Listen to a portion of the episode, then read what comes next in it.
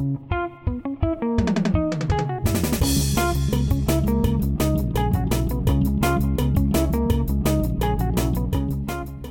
Sant Jaume d'Enveja acollirà aquest pròxim dissabte la segona edició de la jornada esportiva i solidària Ens movem per l'ELA, amb l'objectiu de recollir fons per a la investigació de l'esclerosi lateral amitròfica, més coneguda com l'ELA, una malaltia neurodegenerativa que actualment no té cura.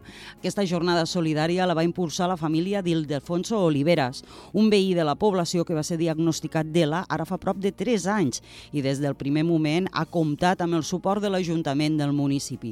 Avui m'acompanyen als estudis Ildefonso Oliveras i Rogelio Macià, regidor d'Esports del municipi. Benvinguts. Hola, bon dia.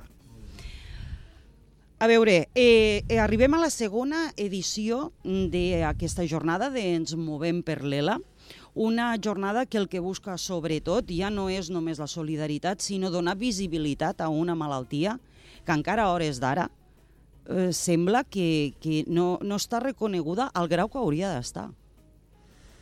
Bé, bon dia. Bon dia. La malaltia, sortosament, des de fa 3 anys està, està més visible. Molta culpa d'això la té el Juan Carlos Ozue, que gràcies a ell pues, eh, eh, s'està coneixent molt i molt. El problema, el problema aquí que hi ha és que no hi ha inversió de fons, públic, ai, fons eh, sí, públics Uh -huh. per a la investigació. I encara és una malaltia que no, avui en dia no té cura i encara tenim un camí llarg per arribar-hi a la cura. Mira, justament estava quan eh, nosaltres ja vam tancar per diversos motius l'entrevista en anterioritat, mm, entre altres coses perquè venen les municipals i, o tanquem les programacions en temps o això seria un aldarull, i justet preparant l'entrevista patapam, al punt més avui, una notícia sobre la llei L que sembla ser que es fa esperar. Sí, està bloquejada. El Congrés dels Diputats se va aprovar per unanimitat, tots els partits van estar d'acord, però al moment que ha passat al Senat, que allà s'ha quedat estancada ja fa més d'un any. El març eh, va fer un any, crec, Mhm. i hi ha hagut ja no sé si 20 ajornaments que la bloquegen. Hi ha dos partits que l'estan bloquejant. I ella està aturada i estem esperant. I els malalts de la no podem esperar. No podeu esperar i justament el teu company Joan Carlos Unzué és eh, un dels que ha posat el crit al cel i ha dit ep, espavilemos perquè cada dia perdem tres vides i sumem tres casos. Vull dir, és una, és una enfermetat, una malaltia que, que, cada, que cada vegada augmenta més entre la nostra societat. Sí, el que passa que, clar, com que hi ha aquesta variació que entren tres i, i en surten tres, sembla que estigui estable, però cada dia vas coneixent casos de companys que, que moren i companys que entren a formar part de l'equip que diu Juan Carlos. Aquí s'ha de donar visibilitat a, a la malaltia i, i la malaltia eh, s'ha de parlar tal com és. És una malaltia molt cruenta i, eh, i el fet és que el mateix, el mateix company deia, diu, és que a veure, tenim dret a l'eutanàsia però no tenim dret a una vida digna. Correcte, ara fa poc que s'ha aprovat lo de l'eutanàsia i jo estic totalment d'acord que sigui així perquè al fi i al cap cadascú quan arriba el seu moment que pugui decidir el que vulgui però clar, el que ara convé és que els malalts tinguin una vida digna perquè aquesta malaltia a part de que et mata, t'arruïna que pensa que es fan càlculs de que quan arriba a l'època crítica de la malaltia s'arriben a necessitar uns 6.000 euros al mes. Això és inassumible. Quasi bé per a ningú, que és impossible, només en sous, perquè necessites 24 hores al dia una persona al teu costat. Si decidixes fer la traqueostomia i l'alimentació en una PEC, necessites algú que t'esti- que t'estigui vigilant a tota hora. I això són tres sous. Qui ho pot aguantar-ho, això? Clar, llavors, els malalts d'ELA passem la malaltia a casa. No gastem llit d'hospital. Llavors, eh, sentim una miqueta abandonats. Llavors, eh, davant d'aquesta situació, Ildefons, les persones que, i més en la situació actual de la nostra societat, en què tenim una situació econòmica molt precària, tenim una crisi econòmica molt important, els malalts que no poden eh, fer front a aquests 6.000 euros, què fan o a què estan condemnats? Doncs pues mira, jo ja, per desgràcia, ja conec diversos casos de gent que ha optat per no fer la traqueostomia, per la càrrega que això representa per a la família, i el que han fet és optar per la, per la via de l'eutanàsia, deixar-se anar. És així de trist. D'altra banda està la vessant econòmica i després eh, la familiar. La xarxa familiar suposo que és fonamental per a un malalt, un malalt d'ELA. Sí, qualsevol malaltia és fonamental que el teu, que el teu cercle més proper de la família que estiguen amb tu, que estiguin units però en aquesta malaltia que arribes un moment que estàs totalment immòbil i no et pots moure, acabes per simplement poder moure els ulls i tal, pues tindre una bona família al costat que t'estimen, que t'ajuden, que fa una pinya, que això és fonamental.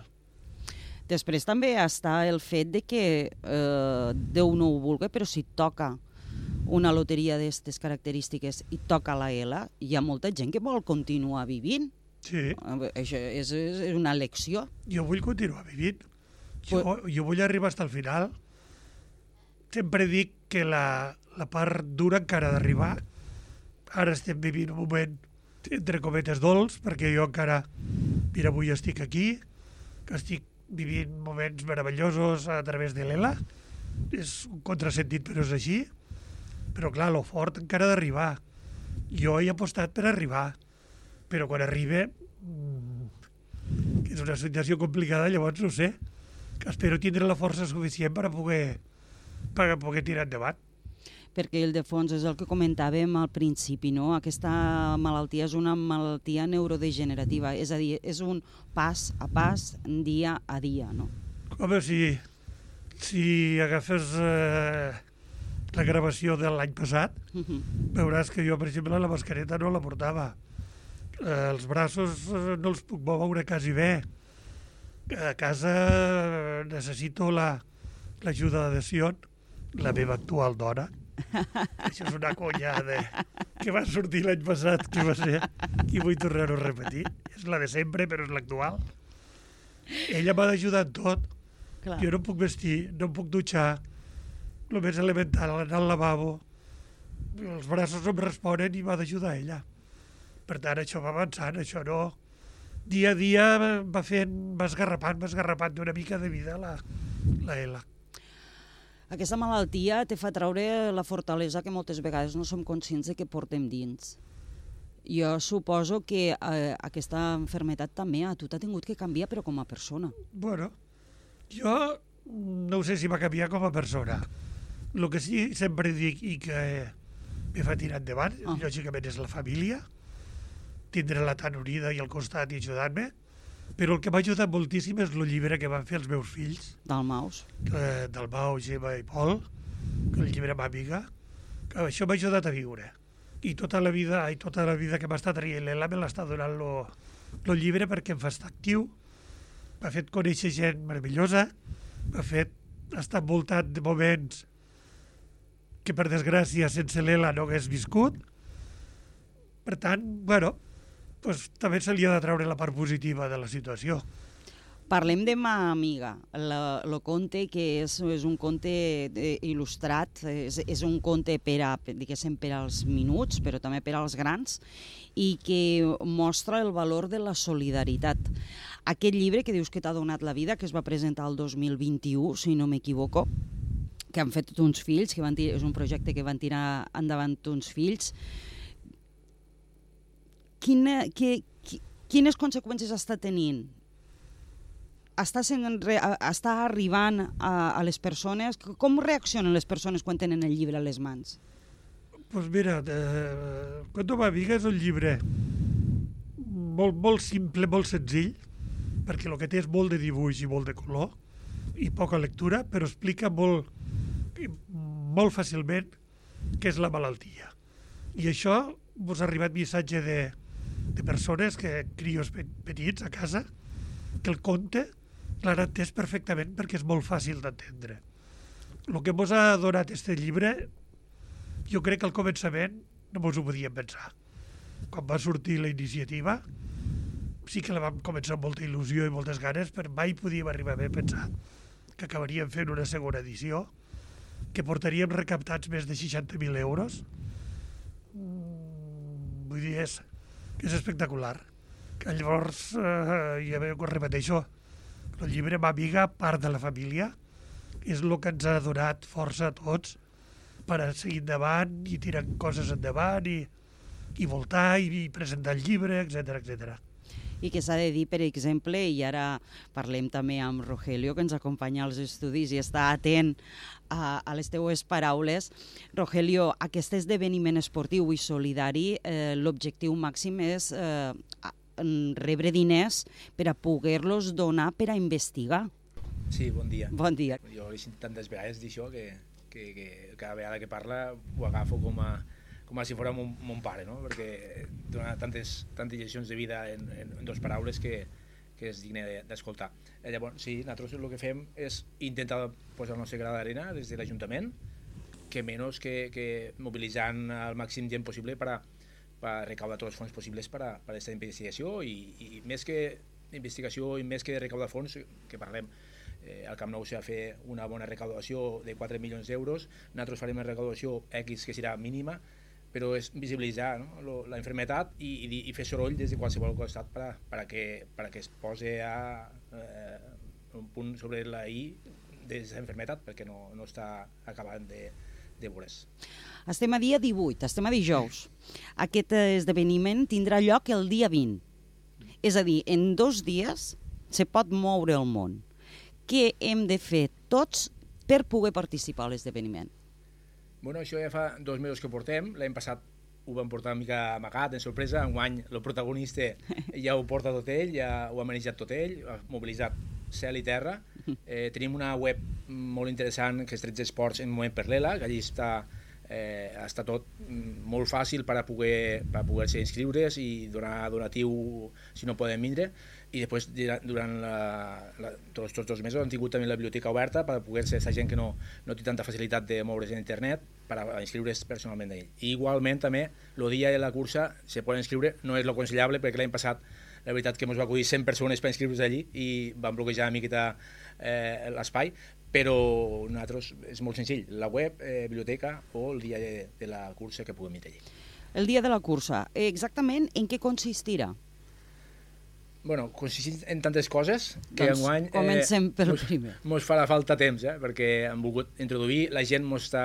La veritat és que la gent, els organitzadors estem una mica eh, sorpresos perquè volen vindre molta gent, volen fer moltes activitats pel tema de que, de que, de que es visualitzi l'enfermetat. Començarem a les 10 del matí una reunió allí per començar la cursa a peu i una caminata eh, de 6 quilòmetres anant de, de, de Sant Jaume a Balada i tornar per passeig fluvial. Uh mhm. -huh. eh, la cursa és competitiva, eh, hi ha bastanta gent inscrita a la competició de, de cursa i de caminata. Després de la cursa i caminata, a les 11 farem una travessa eh, de natació pel riu Ebre, de 2.000 metres, una de competició, que venen gent professional, i una altra de 600 metres popular per a també que la gent que vulgui participar no tan professionalment, que puguen nedar al nostre riu, a les 11 del matí fins a les 12 més o menys era això.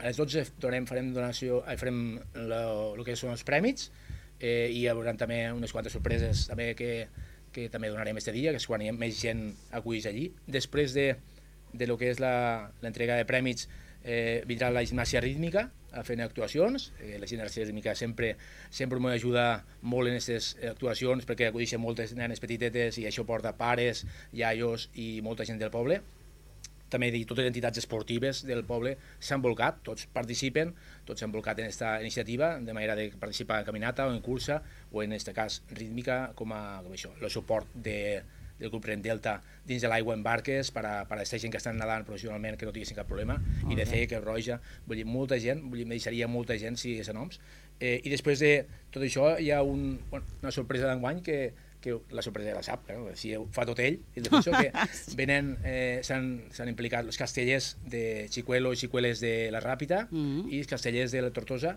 que vindran els dos grups de castellers a formar uns castells allí, una cosa que teníem sempre pensada, de que potser no ens arriba tant, que és més de Tarragona, Barcelona, i aquí pues, ho tenim a prop i podem aprofitar-ho este dia per acabar la festa i com a final de festa una fiduada popular perquè tothom pugui gaudir i acabar aquesta festa que no sé si farem dinar o farem sopar perquè tantes coses tenim.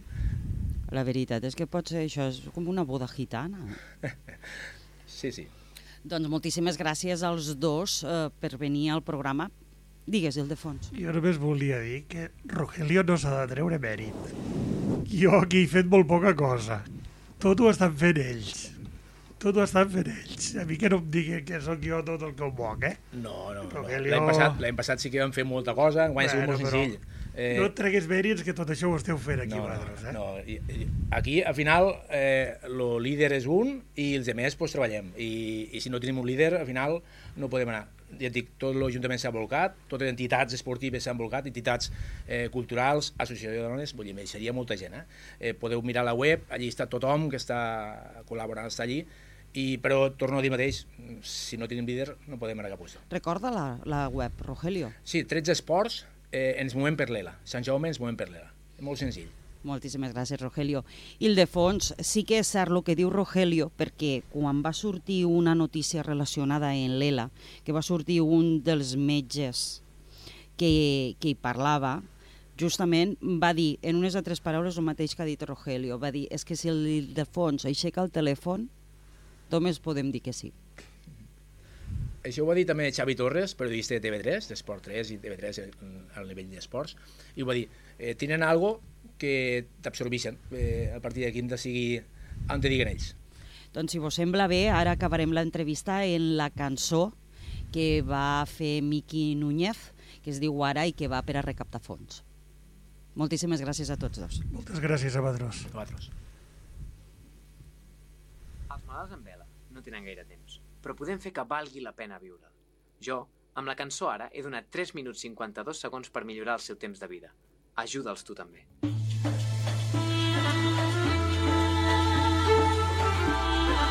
Fes un gest per l'Ela. Dona per donar temps. Envia un bizum al 02 621.